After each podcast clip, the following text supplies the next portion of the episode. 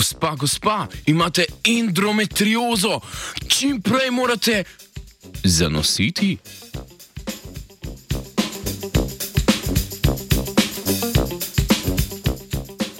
Avstralska raziskovalna skupina v reviji BMC Women's Health poroča, da je pacijentkam z endometriozo pogosto svetovana za nositev kot način zdravljenja oziroma obvladovanja bolezni.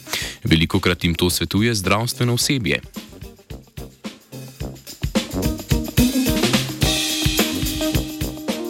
Endometrioza je zapletena bolezen, pri kateri se tkivo, podobno krovnemu tkivu maternične stene, razrašča zunaj maternice. To tkivo se pod vplivom hormonov množi, lušči in tudi krvavi, kar lahko povzroči rane. Endometriozo ima približno vsaka deveta ženska, zdravila pa trenutno ni. Med najpogostejše simptome, ki spremljajo bolezen, sodijo močne bolečine v času menstruacije ter neplodnost oziroma zmanjšana plodnost.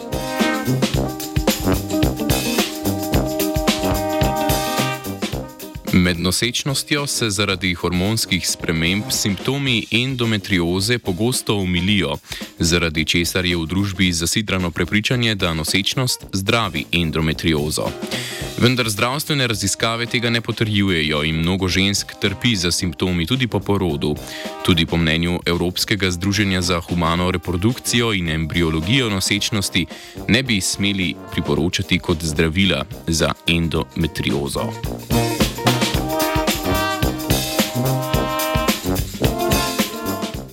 Avstralska raziskovalna skupina je sestavila anketo za pacijentke z diagnosticirano endometriozo, ki je bila pogosto dostopna na spletu.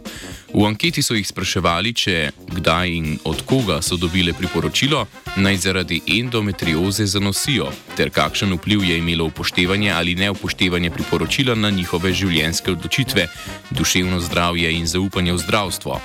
V analizo so vključili odgovore dobrih 3000 pacijentk od katerih sta približno dve tretjini Avstralk.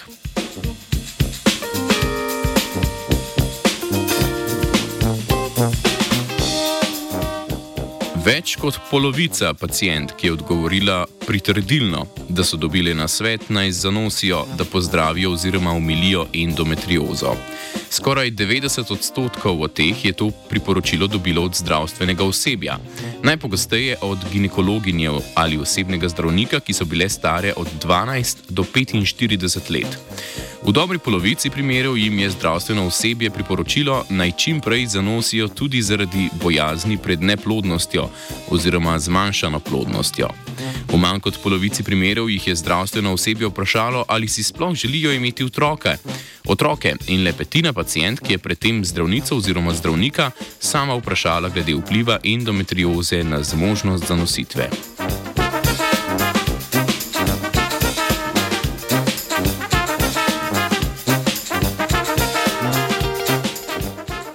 Nekatere pacijentke so verjele, da bo nosečnost pozdravila endometriozo. Kar nekaj jih je odgovorilo, da so čutile pritisk, da morajo čim prej zanositi. Zato so intenzivneje iskale partnerja, se poročile ali imele otroke prej, kot so to prvotno načrtovale. Šle so na operacijo ali pričele s postopki oploditve z biomedicinsko pomočjo, kar je marsikatero udarilo po denarnici. Zaradi težav pri zanositvi pa je pogosto trpelo njihovo duševno zdravje.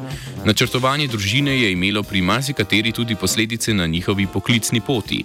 Od pacijentk, ki so dobile otroke, jih je nekaj izpostavilo, da so se njihovi simptomi ali zdravstvena oskrba endometrioze po porodu poslabšali.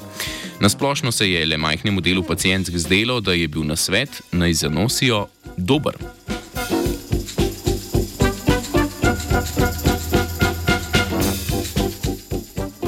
Druge ženske, ki so vedele, da zanositev ne pozdravi endometrioze, so bile zaradi prijetega nasveta razočarane, jezne in užaljene. Priporočilo pa je tudi omajalo njihovo zaupanje v zdravstveno osebje. Nekatere so odgovorile, da se jim ne zdi primerno in sprejemljivo dajati takšnih nasvetov. Razočarane so bile nad po njihovem mnenju nezadostno obravnavo bolečine in drugih simptomov, ki so jih mučili. Le majhen delež teh pacijentk je navedlo, da jim je žal, da se niso odločile imeti otroka.